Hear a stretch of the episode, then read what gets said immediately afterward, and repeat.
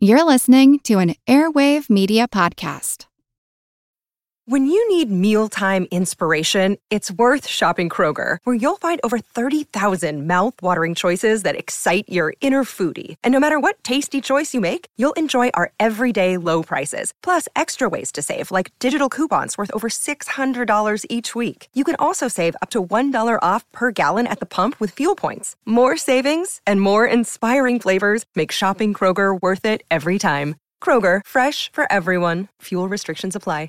This podcast is sponsored by Ramp. Are you the decision maker in your company? Consider this. For the first time in decades, there's a better option for a corporate card and spend management platform. Meet Ramp, the only corporate card and spend management system designed to help you spend less money so you can make more. Most corporate credit cards offer points as incentives, but those points amount to less than their worth in real cash value. Ramp's business cards offer you cash back, real money in your pocket. Plus, you control who spends what with each vendor. And Ramp software collects and verifies receipts automatically, which means you'll stop wasteful spending and close your books in hours instead of days. Businesses that use Ramp add up to 5% to their bottom line the first year.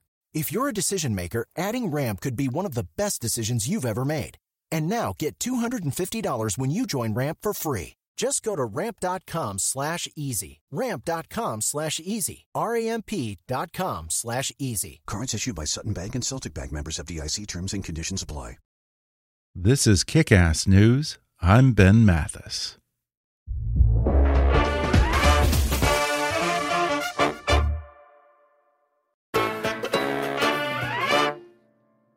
When Jennifer Doudna was in sixth grade, she came home one day to find that her dad had left a paperback titled The Double Helix on her bed.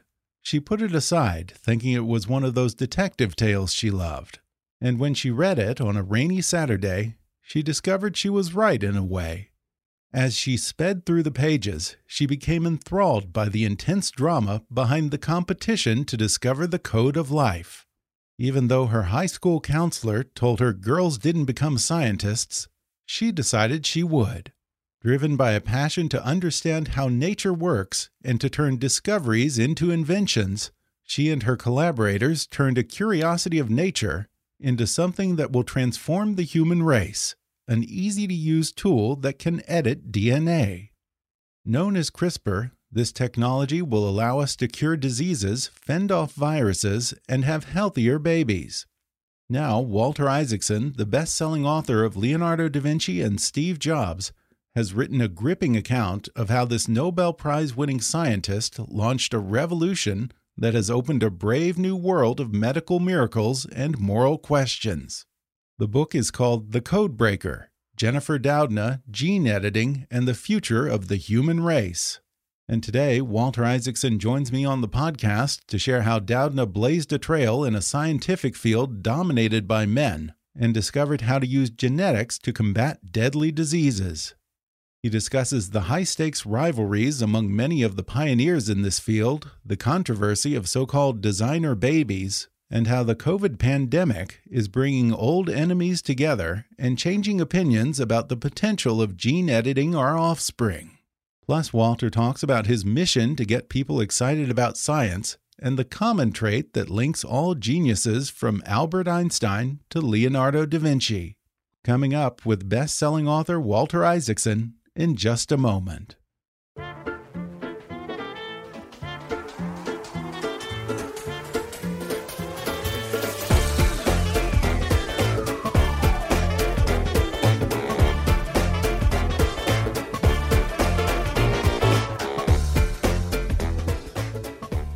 Walter Isaacson, a professor of history at Tulane University, has been CEO of the Aspen Institute, chair of CNN, and editor of Time magazine.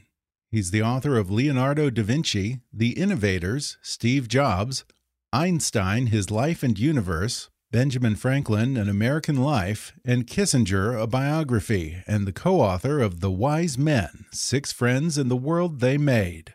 Now he's written a new biography about a modern day bioscience revolution and the pioneer behind it called The Code Breaker Jennifer Doudna, CRISPR, and the Future of the Human Race. Walter Isaacson, welcome to the show. Hey, Ben, it's great to be on your show. Well, it's great to have you. Now, you're in New Orleans, right? You, you moved back there a year or two ago? I'm in New Orleans. It's nice and sunny and mild here, and uh, but we just missed Mardi Gras. We ended up having to cancel it. Uh, yeah, I was going to say it's interesting how even Mardi Gras sort of adapted to COVID. Did you do the whole thing of you know turning your house into a Mardi Gras float? like we have a, a balcony here on Royal Street, and we certainly decorated it. But I couldn't keep up with some of my friends who truly made uh, float houses. Royal Street. So you're right in the middle of the quarter, I guess. Right behind the cathedral. Oh wow, that's fantastic! What a great spot. Well, Walter, I've been wanting to have you on the podcast for some time now, and so I'm completely delighted to finally have a chance to talk to you. But uh, I'll be honest, when I first heard that you wrote a book called The Code Breaker, I kind of assumed in my mind, oh, goody, this must be about Bletchley Park and maybe the Enigma machine or something. And so I admit that I was a little bit crestfallen when I re realized that it was about gene editing and CRISPR. Hey, that's a new form of coding. You know, we've it gone is. through the digital revolution, which was all past 50 years of based on uh, binary codes. I think the new revolution is going to be combining people who know how to code computers with people who know how to code our our cells, code ourselves yeah. in terms of uh, DNA and RNA, and the ability to edit our genetic material is going to be the most important innovation, the most important advance of our lifetime and hit us with the most moral questions. And how do we design our babies? How do we make ourselves not susceptible to viruses? How do we use RNA to make vaccines? So I actually think that the bio revolution is going to be even more exciting than the uh, digital yeah. revolution. Like I said, I thought it was about code breaking in the traditional sense, but the, the, story that you weave is every bit as thrilling as anything I've read over the past year. In fact, uh, the way you describe it, and even the way uh, Jennifer Doudna describes it, the study of DNA is a bit of a detective story. Walk us through that comparison. Yes, uh, when she was a young uh, sixth grader, she found her dad had left on the bed the double helix, which is James Watson's uh, description of how he and uh, Crick and Rosalind Franklin discovered mm. the structure of DNA. And she thought it was a detective story because there was a little paperback. And then when she finally picked it up a couple of weeks later, she realized she was right. It really is a detective story. It's about hunting for the clues about how does something work. And it's always joyful to discover how something works, especially when that something is ourselves. And so she took this great joy and she decided, hey, I'm going to become a scientist. Of course, her high school guidance counselor told her, well, girls don't become scientists. But this really drove her to want to do it. And what she did was she discovered the structure of RNA, how RNA was probably the molecule that started life on this planet. And then with CRISPR, this gene editing technology that she helped develop from looking at the way bacteria fight viruses, she was able to make a tool that uses RNA and attaches it to something like a scissors and allows it to target a piece of our DNA and cut it where we where you know we might want to. In other words, to change one of our genes. Yeah, it really is a bioscience revolution. Now, there have been several stars in the field of genetics and then more recently in this area of gene editing. Why did you choose to focus specifically on Jennifer Doudna? Well, I was uh, lucky because she ends up with her partner Emmanuelle Charpentier winning the Nobel Prize a couple of right. months ago. So she ends up being the person most acclaimed for this discovery of how CRISPR can be used to edit genes. So to me, she was the example of the most persistent, uh, most exciting scientist pursuing this. And then she turns her attention to the coronavirus, to COVID. And what do we learn from the fight? to uh, figure out how to edit our genes that we might use in the fight against viruses such as the coronavirus.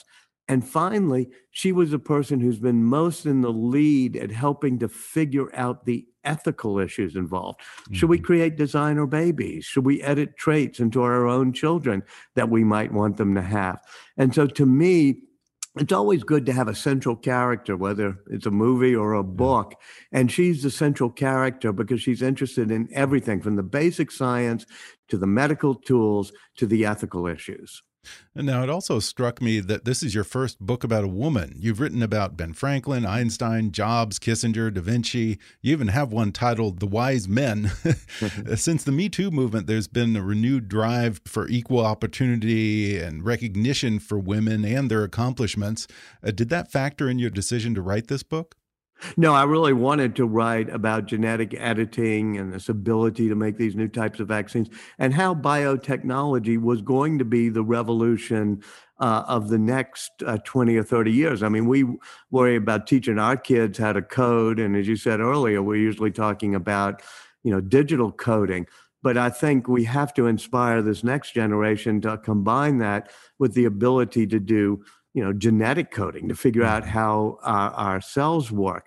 That said, women have often been written out of the history of technology and the history of science. I wrote about Ada Lovelace in my book, The Innovators, and she was the person who came up with the first real computer algorithm, but she's not well known to history. In this biology revolution we're going into, women have been at the forefront, especially when it comes to figuring out how to use tools based on RNA. There's a woman at the University of Pennsylvania who figured out how do you make messenger RNA work. And that's in the Pfizer and Moderna vaccines that we've all been getting.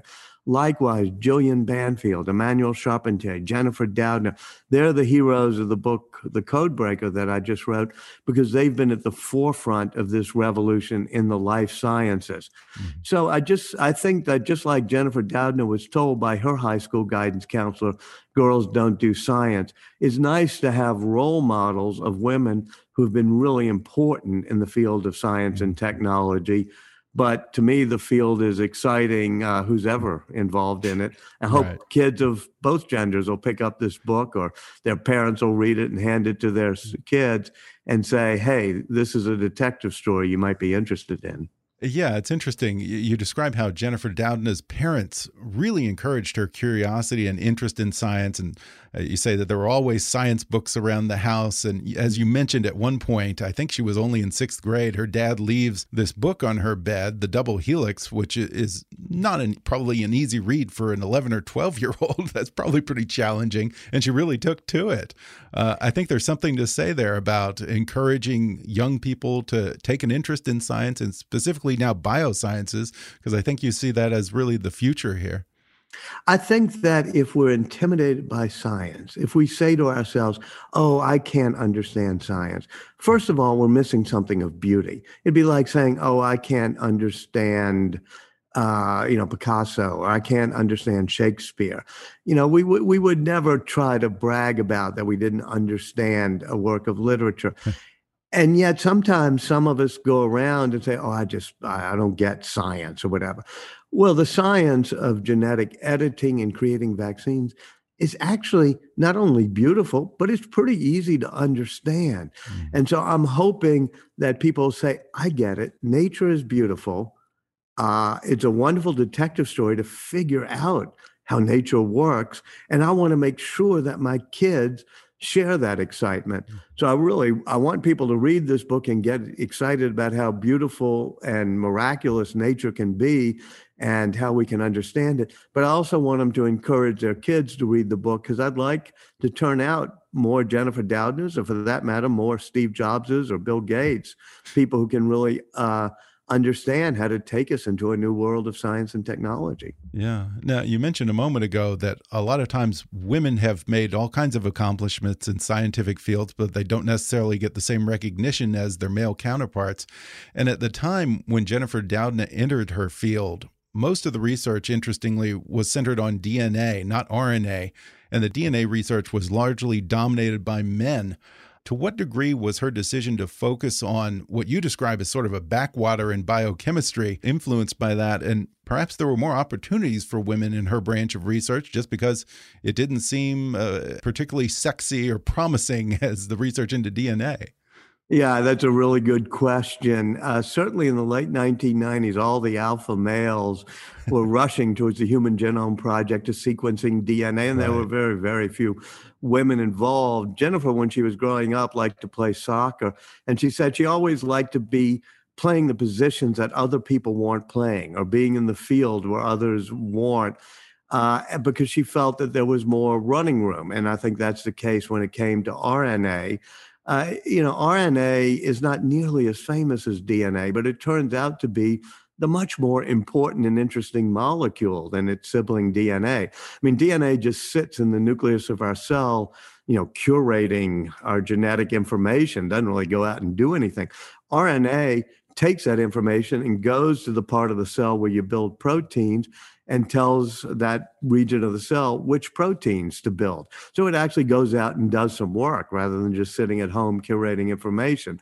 And I think that appealed to Jennifer Doudna, and she and a group of women became pioneers in this effort to understand RNA. And what has that gotten us? It's gotten us these new coronavirus vaccines. Yeah. It's gotten us these new genetic editing tools. So if I had to say what's the molecule of the century, I'd say RNA, not DNA. Well, to go back to James Watson, Watson and Crick discovered the structure of DNA, I think in like something like 1961. And then we had decades where we kind of sat on it and didn't really know what to do with it until very recently. And now here we mm-hmm. are in the midst of this whole new scientific revolution. Why was there such a big gap between the pioneering work of Watson and Crick and the pioneering work of people like Jennifer Doudna? Yeah, Watson and Crick, building on the work of uh, Rosalind Franklin, another woman who's been not gotten enough due in the history of science. Uh, in 1953, comes up with the structure of DNA, and as you said, he publishes his book in 1961. But knowing the structure didn't mean we could read our whole genome. It took until about the year 2000 to do all the sequencing necessary to say, here's what the human genome looks like. Here's the sequence of letters that tells you your eye color. Here's a sequence of letters that tells you you might get sickle cell anemia or cystic fibrosis. And that was all important but even that didn't help very much. Even after we sequenced it, we said, well, yeah, that's a good book, but what do we want to do if we need to rewrite it? In other words, we could read our DNA, but we couldn't write it. And that's where Jennifer Doudna and her team comes in because, because what gene editing allows us to do, what CRISPR and other gene editing tools allow us to do, is not only read our genetic code, but rewrite it. And that can be miraculous and it can be wonderful but it also can be a little bit frightening to say, okay, let's rewrite the code of life. When they gave her and uh, Emmanuelle Charpentier the Nobel Prize this past year, they said, this is about rewriting the code of life. I think I have a pretty good grasp of how gene editing works, but sometimes I have a little bit of a hard time explaining it. And I guess uh, the way I would say it is it's a form of for lack of a better word, weaponizing something that happens naturally in the body between bacteria and viruses, right? Can you explain how that works? Yeah, bacteria for more than a billion years have been fighting viruses, which is quite useful for us to know now that we're fighting viruses the way we are. And one way they do it is they can take a little snapshot of the genetic code of a virus that attacks them. And whenever that virus attacks again, they have this sort of scissors like thing called an enzyme that they can guide and chop up the attacking virus. Now, what Jennifer Doudna and her team were able to do is say, well, let's use that to look at the 3 billion or so base pairs of our DNA and say, what would we do if we wanted to change the DNA in our body? What would we want to do if we wanted to rewrite some of our genes, to change some of our genes? And so, what CRISPR does is it says, okay, it can be programmed to look at the gene that may cause you to develop a receptor, say, for the virus that causes AIDS, or maybe the receptor for the virus that causes COVID. And maybe we can go in and chop up that gene and replace it so that you're not as susceptible to getting viruses. That's the way it could work. But of course, uh, there you know you got to be real careful when you're messing with Mother Nature. Right. and yet you definitely get into that in this book and some of the ethical questions around it. Um, you also outline, I guess, three main areas of potential for CRISPR technology or three main uses for it. Uh, what are those? I think that you can use CRISPR technology to edit genes and we can cure diseases. We've already, this past year, cured somebody of sickle cell anemia, a, a really painful disease. Uh, we can use it to fight cancers, uh, for immunotherapy, to have our own cells uh, be the ones that manufacture ways to fight cancer cells. Also, and this is the most controversial part, we can embryo we can edit embryos or sperm or reproductive cells so that we can create inherited genes in our children. In other words, not just fix a living patient, but say we want our children to be mm-hmm. uh, not susceptible to certain viruses. We want our children to be taller or to have more muscle mass and maybe even have better memory or uh, different skin color, whatever you want. And those genetic edits that are done in reproductive cells or in early stage embryos, those are inherited. So you're not just editing the genes of a person, you're changing the entire human race. We're going to take a quick break and then we'll return with more when we come back in just a moment.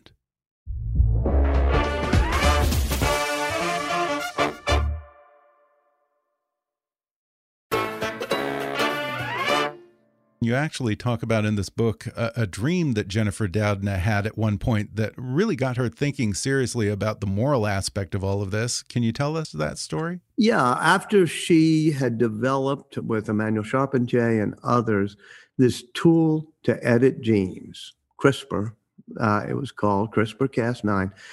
She gets told in this nightmare that she has that somebody wants to meet her. And she goes into the room and meets the person, and the person looks up and it's Adolf Hitler. And she flinches. And for days afterwards, she can't sleep. So she starts organizing scientists around the world, you know, from England to China and others, to be part of these discussions about yes, this is a miracle technology, CRISPR. We can fight Huntington's disease, sickle cell anemia, cystic fibrosis. We can even do things that make healthier kids. But where are we going to draw the line? Are we going to create enhanced soldiers? Are we going to uh, make it so that the rich can buy better genes for their kids and the poor people can buy for their kids and take inequalities and encode it into the human race? Are we going to get rid of some of the diversity in our society? Like, you know, maybe uh, edit out things that parents may not want, but add to the richness and texture of the human species. And so one reason I wanted to write this book is the science is so fascinating. The detective hunt for making it work is so much fun to read about. But then we get to the part of now what? You know, what do we do now that, like Prometheus, we've snatched fire from the gods, or like Adam and Eve, we've bitten into the apple of knowledge? What are we going to do? Hmm. And Jennifer's work in figuring out what should be the rules of the road totally I think will spark a whole lot of dinner table debates about what should we allow people to do when it comes to mm-hmm. editing and designing their babies. Uh, yeah, and the inflection point for this debate was sort of in 2018 when the world's first designer babies were born. They were twin girls in China with genes that had been edited with CRISPR to make them immune to the virus that causes AIDS. This prompted almost universal condemnation in the scientific community you know, for me, I have to wonder why, why was that so problematic? I mean, I get that it's a slippery slope, but it's not as if they were engineering them to have 180 IQ or be six feet tall. He was trying to safeguard them against a deadly disease. What's wrong with that? Hey, by the way, what's wrong with editing a kid to have 180 IQ or be six feet tall? We have to ask ourselves those questions too, right. which is hey, is, would it be wrong to have a society that's smarter or perhaps even taller? But as to your question about the rogue Chinese scientists who did it, there were a couple of things that were wrong. First of all, it wasn't ready. It wasn't safe, the technology. He created these two twin girls, uh, you know, using with designer genes. Uh, but we don't know what unintended consequences they m- might have and the parents they didn't give the full consent. So it was somebody who was rushing okay. ahead trying to make headlines without it being safe. But the deeper question is once it is safe once we could do those type of things and edit our kids not to be susceptible say to uh, getting aids uh, would there be anything wrong with that? And my answer at first and so jennifer doudna had the same answer was that just doesn't feel right. It feels mm-hmm. bad to me.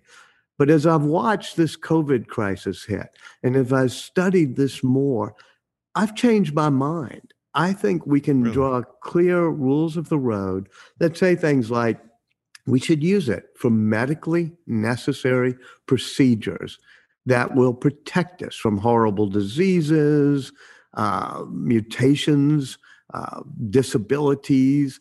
But we should draw a line and say, as you did in your question, we should wait a while and pause before we start trying to enhance our children.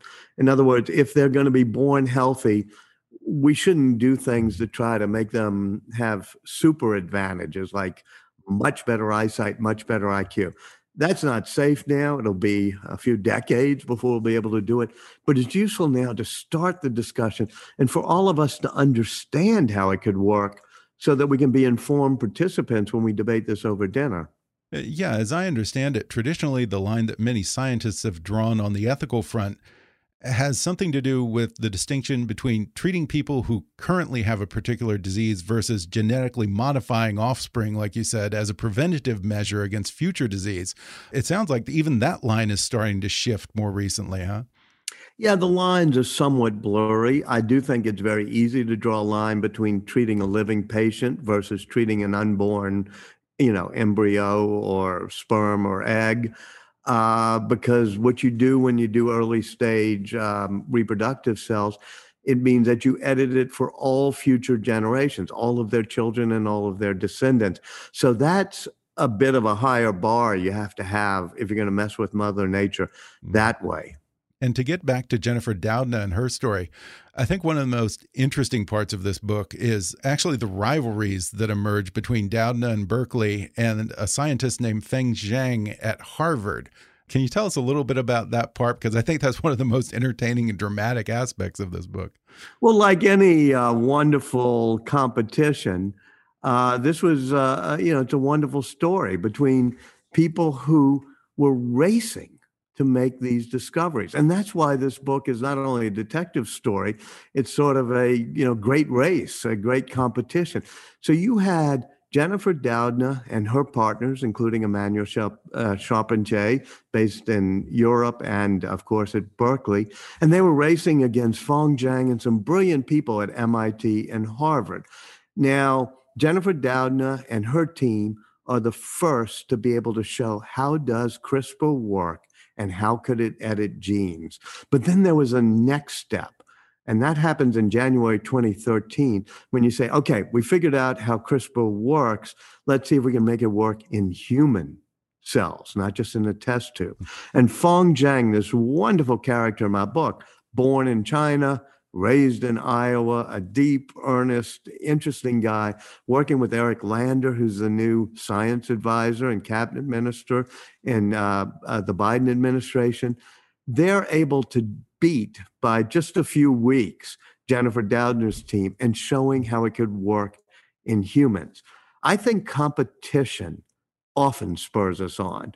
Whether you're competing as, you know, we might in journalists to get the scoop or scientists to make the discovery. I like competition. So did Jennifer Doudna.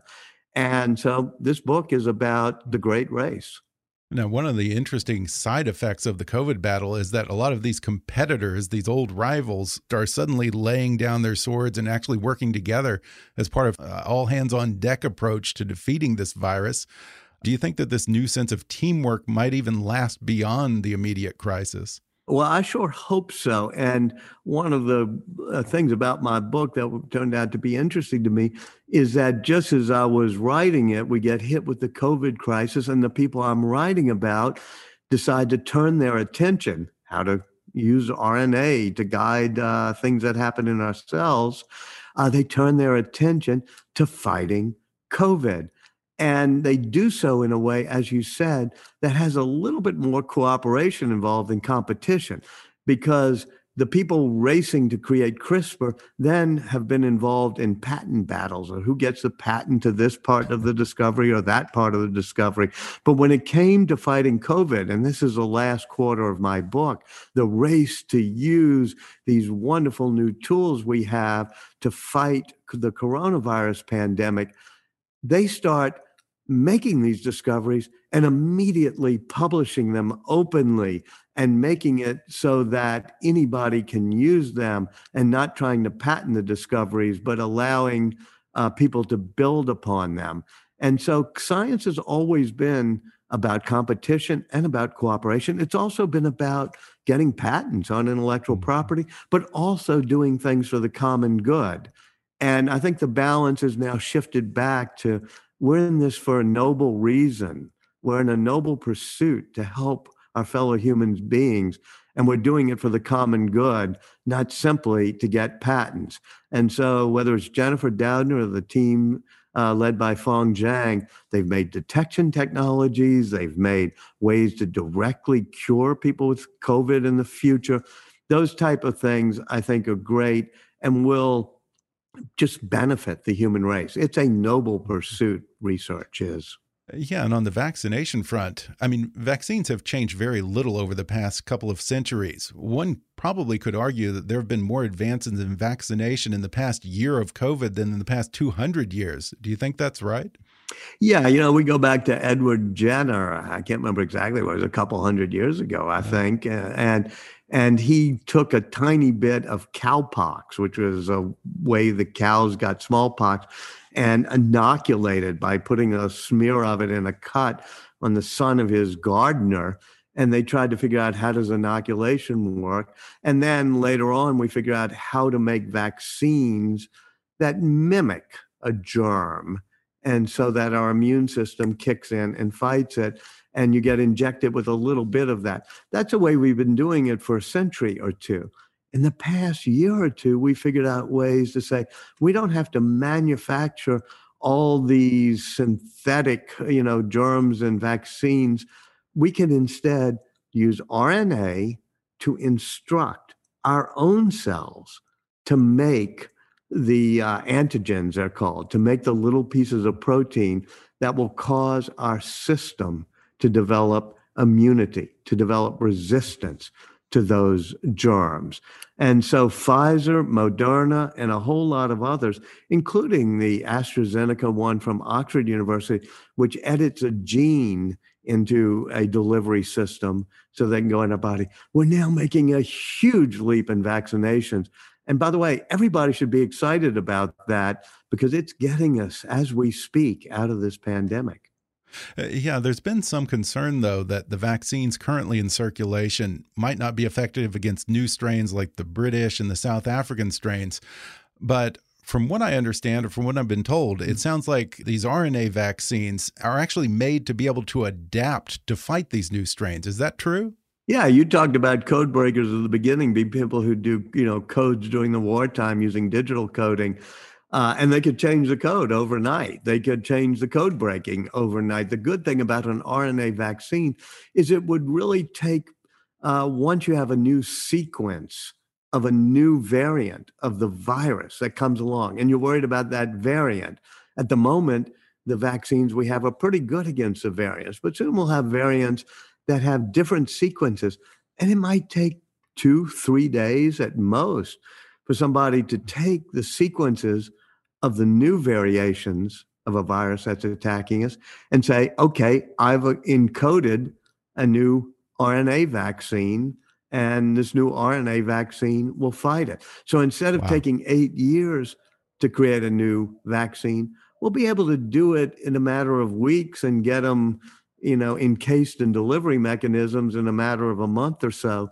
And this is a true turning point in our hundreds of thousands of year war as Homo sapiens, as humans, against viruses. I think finally we've developed a weapon uh, that you know will put us to the advantage of viruses. Wow, I mean that is just jaw dropping. It's a wonderful story. I mean, that's why I loved yeah. writing about it. And that's why I want people to be excited about it. People get intimidated by these things. Science is actually beautiful. And I hope I make it really easy in this book because it's a gorgeous thing. It's a joy to understand how our bodies work. Yeah, and all of your biographies have celebrated science and innovation, perhaps with the exception of uh, Kissinger, I guess. But you know, here we are at a time where it almost feels like America is sort of in a new dark age, with a large number of people favoring conspiracy theories and junk science over real science. Do you see that as part of your mandate to elevate science? I think it's part of our mandate, your mandate, Ben, Jennifer Doudna's mandate, or whatever, which is not only to elevate science, but say, let us, you know, let let let's explain it right. Let's make it seem smart and interesting. Let's make it not seem intimidating or complicated. Because when people are intimidated by something, or they think it's a mystery, or they think it might be a conspiracy, mm. then they're not going to trust it. But if I say, here's how a kid in sixth grade became turned on by how certain things in nature worked, and here's how she discovered how RNA is shaped and how that causes things like uh, the ability to edit genes. I think the more people understand the process of science, the process of research, the more it'll seem less like a conspiracy and more like something that's really, really cool. Just like, you know, a great basketball game is really cool. and uh, so I hope to de- demystify science. And I hope, I know you do that, you know, with this podcast. But it's not like we have to preach to people to trust science. We have to share the beauties of it so that everybody can feel how it can be ennobling and useful in our lives. And in addition to this latest book, you've written a number of very well regarded biographies of other brilliant innovators Leonardo da Vinci, Einstein, Benjamin Franklin, Steve Jobs as well. Is there a common denominator or a formula for genius that you've detected over these years? If I had to do it in one word, a word that you and I and all of our kids could uh, uh, embrace, it's curiosity. Hmm. You know, whether it's Einstein as a six year old looking at a compass and saying, How does that needle keep pointing north? Nothing's touching it. Why does it move? Or Leonardo da Vinci looking at the sky and saying, Why is it blue? Or why do the wings of a bird flap up slower than they flap down? Or it's Jennifer Doudna looking at a piece of grass as she's growing up in Hawaii and touching it and it curls, saying, Okay, what makes that curl? The P- uh, Steve Jobs, endlessly, you know, curious. Ben Franklin, you know, sort of taking the temperature of the water in the Atlantic to try to figure out how the Gulf Stream worked. That type of curiosity, curiosity about everything. I mean, whether it's Leonardo or uh, you know Ben Franklin or Jennifer Doudna, they care about art, they care about anatomy, they care about music, they care about medicine, they care about math. If you have curiosity, you're going to be more creative. Do you think that we have a curiosity deficit these days? I mean, it seems like a lot of people aren't asking enough questions. Yeah, I don't think kids have a curiosity deficit. You're always watching kids and they're asking a whole lot of questions. And they'll be walking through, you know, walk through an airport and you see kids saying, Why is that light doing this? Or why is the plane backing up? Whatever. Right. And finally, we grown ups do what we always do to kids, which is we say, quit asking so many stupid questions. And I think the goal is we should all learn, including grown-ups like myself, never outgrow your wonder years. Always ask questions. Good advice. Well, before we go, I have to ask about another one of your books, uh, Leonardo da Vinci, which is being developed as a movie by another Leonardo, Leo mm. DiCaprio. Can you tell us anything about where that stands? Uh, look, I understand science. I love how things work in a human cell. I love art. I love how the Mona Lisa got painted by Leonardo. I love statecraft and how Benjamin Franklin created a declaration and a constitution that has lasted for centuries. There's one thing I don't understand and that's Hollywood. I can't figure out what they're doing. okay. Well, I hope it sooner or later it makes it to the screen because just what a fascinating story. I do think we want to. By the way, they're just selling the rights to this book, The Code Breaker. Oh, great. And to me, that's important too because mm. we mm-hmm. want to have people inspired to love science and to maybe do their own questioning, their own yeah. curiosity, their own research. So I'd love somebody to see movies about people like Jennifer Doudna, as well as read a book about them and say, oh, yeah, I get it. I want to be curious just like that. Absolutely. Well, it's just a fantastic book. Uh, again, the title is The Code Breaker Jennifer Doudna, CRISPR, and the Future of the Human Race. Walter Isaacson, thanks for talking with me. Thank you very much. Appreciate it. Thanks again to Walter Isaacson for coming on the show. The Codebreaker, Jennifer Doudna, CRISPR, and the Future of the Human Race is available on Amazon, Audible, or wherever books are sold. Subscribe to his podcast, Trailblazers with Walter Isaacson, wherever you get your podcasts, and follow him on Twitter at, at Walter Isaacson. If you enjoyed today's podcast, be sure to subscribe to us on Apple Podcasts and rate and review us while you're there. Five star ratings and detailed reviews are one of the best ways for new listeners to discover the show. You can also follow us on Facebook or on Twitter at, at KickassNewsPod and recommend us to your friends on your social media. For more fun stuff, visit kickassnews.com, and I welcome your comments, questions, and suggestions at comments at kickassnews.com. For now, I'm Ben Mathis, and thanks for listening to Kickass News.